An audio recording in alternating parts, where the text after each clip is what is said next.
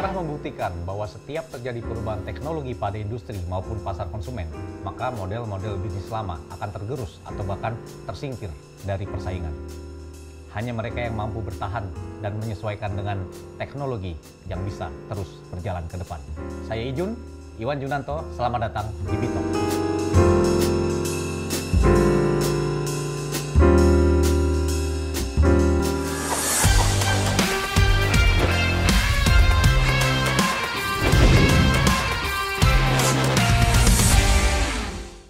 Abad-abad lampau dulu, kalau kita melakukan transaksi ataupun pembayaran, kita selalu menggunakan barter, kerang, koin, semua ditukar. Kemudian muncullah emas, dirham, koin, semuanya digunakan sebagai alat transaksi pembayaran.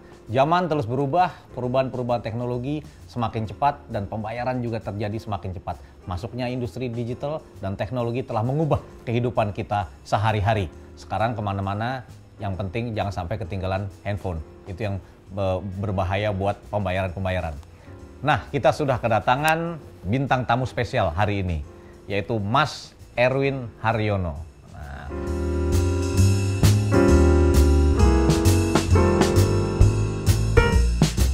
Selamat datang Mas Erwin. Selamat datang, Iwan. Selamat datang. Mas Erwin ini ahlinya bidang digital, pembayaran, payment, dan dia juga sekarang Direktur Eksekutif di Departemen Kebijakan Sistem Pembayaran Bank Indonesia. Jadi yang mengatur sistem pembayaran di Indonesia ini. Kita lihat ini zaman ya dibandingin zaman saya dulu ya, mungkin kita dulu masih uh, berandal pada kertas dan koin. Ya. Tapi terus sekarang zaman berubah. Apa sih yang kelihatan berubah nih dari teknologi khususnya nanti di payment apa kira-kira? Saya pengen mulai dengan kaos kaki kita nih. Wait, iya, iya, iya. Kita mesti pamer dulu nih. Benar, benar, benar. Saya kira ini di balik kaos kaki yang meriah hmm. ini, di belakang itu ada sebuah, kalau boleh saya menyebutnya silent revolution. Silent revolution. Jadi saya pernah ditempatin di New York.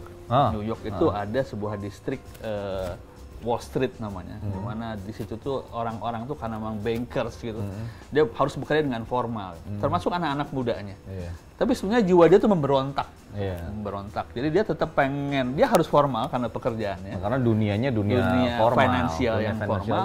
Tapi dia dengan tidak pengen kehilangan daya hidupnya. Uh -huh. Dia kemudian untuk uh, menghidupkan daya hidup uh -huh. itu dia pakai kaos kaki kayak begini begini. Ah, gitu. Jadi seolah-olah ketutup, tapi dia tidak pengen hilang. Iya. Itu semacam silent revolution. Silent revolution. Masih ingat dulu ada bitcoins ya, bitcoins iya, iya. bikin geger. Gitu. Terame itu bitcoin. Rame banget. Masuk ke kita kemudian hmm. kita hanya melihat sisi negatifnya saja. Iya, iya. Memang betul banyak sisi negatifnya. Iya. Tapi di belakang itu sebenarnya ada revolusi besar gitu. Iya oleh para teknolog yang tidak puas sebetulnya waktu itu karena krisis di Amerika yeah. begitu kuat kepada cara kita mengelola keuangan. Uh.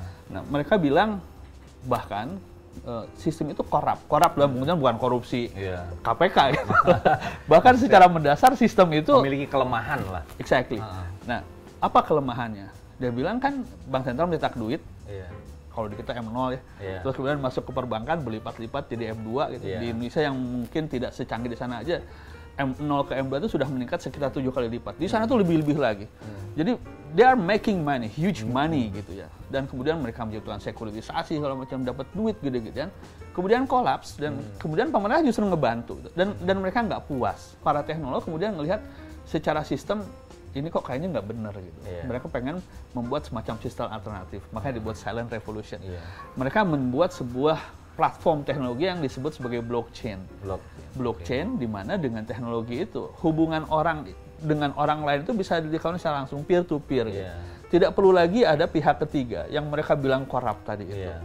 Poin saya adalah ternyata dari situ kemudian muncul revolusi besar yang lain. Di payment juga begitu. Yeah. Mereka bilang uh, payment itu terlalu mahal.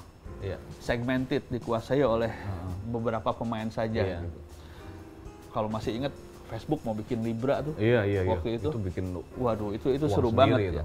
Ya memang kemudian hmm. kalau kita baca papernya ya, hmm. seolah-olah Nobel gitu ya. Yeah. Dia bilang pengen pengen bilang bahwa kenapa kita tidak bisa mengirim uang yeah.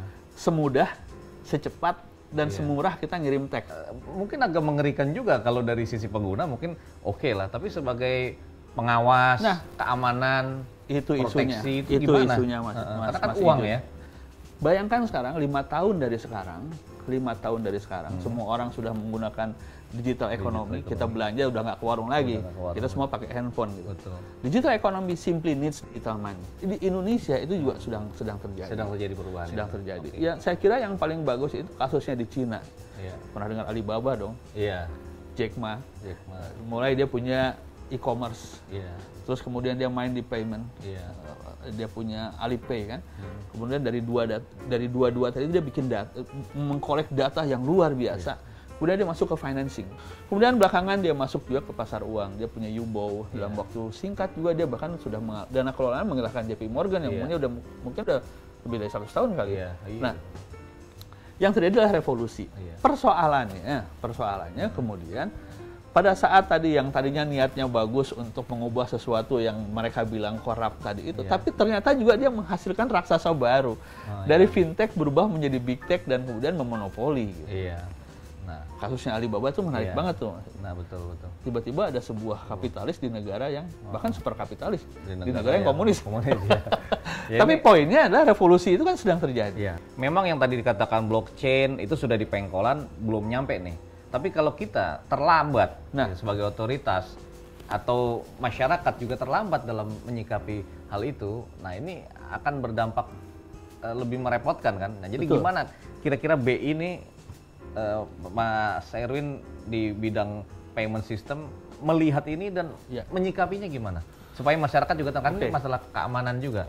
Nah, tahun lalu kemudian kita menyelesaikan apa yang di, di, di payment, yeah. apa yang kemudian disebut sebagai blueprint sistem pembayaran 2025. Oh, ya sampai 2025. 2025 jadi. karena ini bukan buk, karena tadi itu karena ini fundamental hmm. kita nggak bisa hanya uh, ketengan setahun. Pretelan, ketengan itu tuh udah nggak bisa. Jadi dilihat payment ini sebagai satu sebagai blueprint. sebuah respons terhadap hmm. shock yang tadi okay, yang okay. sangat fundamental. Apa aja tuh yang ada di blueprint yang nah, paling penting buat masyarakat ketahui sekarang, ya. terutama sebagai pengguna ya? Yang pertama bahwa uh, blueprint itu dimulai dengan visi ada lima visi. Hmm. Visi yang pertama itu harus harus integrated apa namanya um, pendekatannya. Hmm. Terus kemudian perlu ada di dorongan uh, digital transformation hmm. di dunia keuangan terus juga harus tracking direct balance antara manfaat dengan risiko hmm. dan juga karena kita otoritas di Republik Indonesia hmm. kita harus mementingkan mementingkan national interest. national interest di dalam sebuah dunia yang borderless dengan visi itu dengan visi itu kemudian kita membuat lima working group yang uh. yang sangat mendasar uh.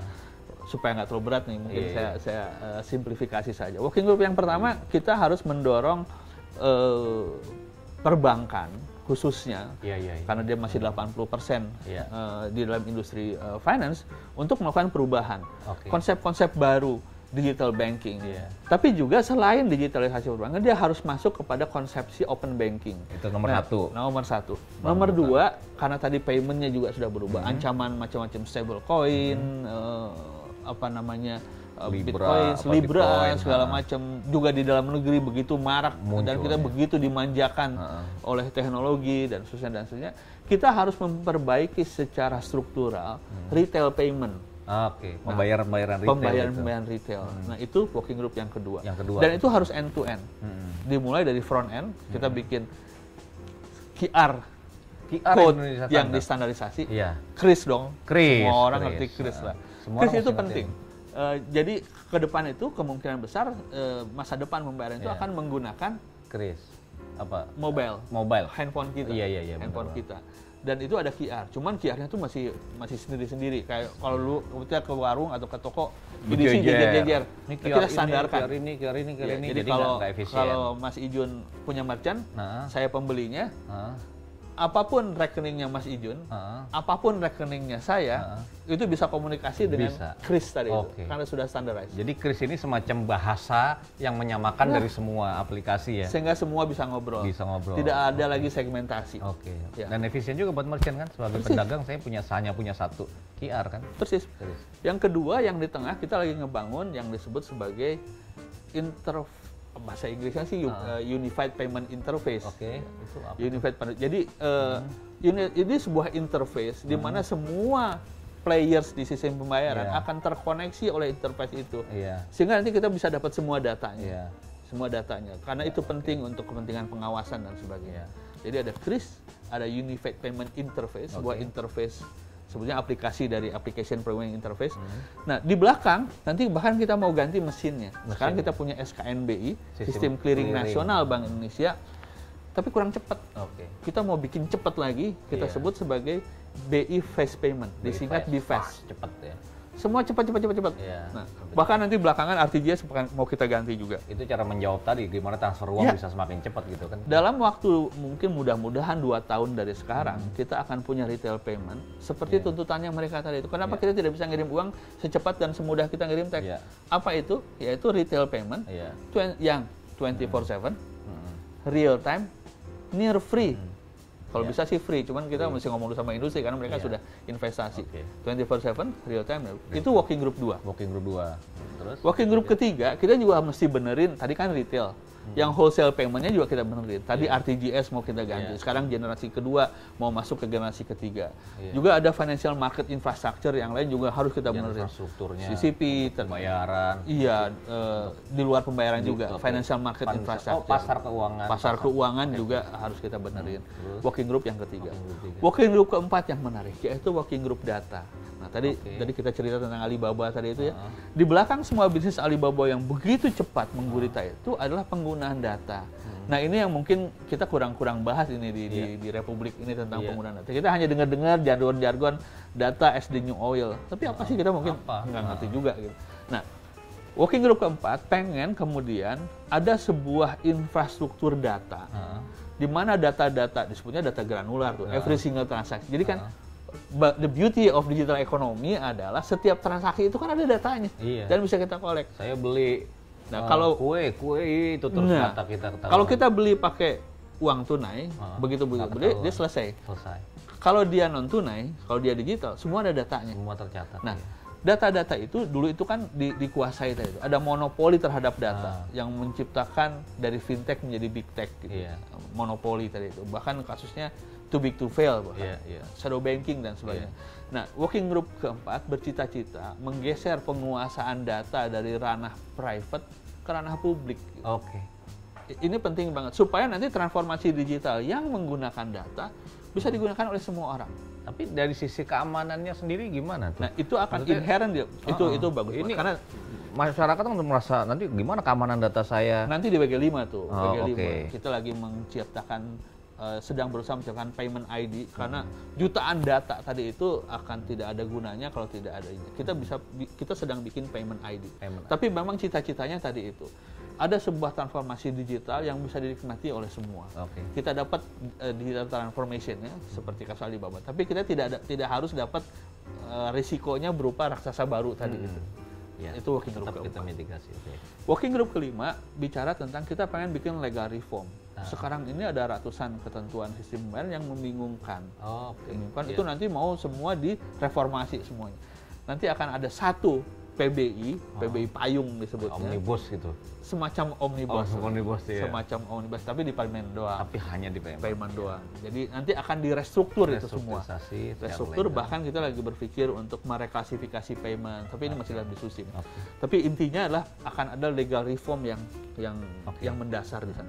Karena yang sekarang ini current regulation itu terlalu sulit hmm. untuk menghadapi tantangan iya, besar tadi itu.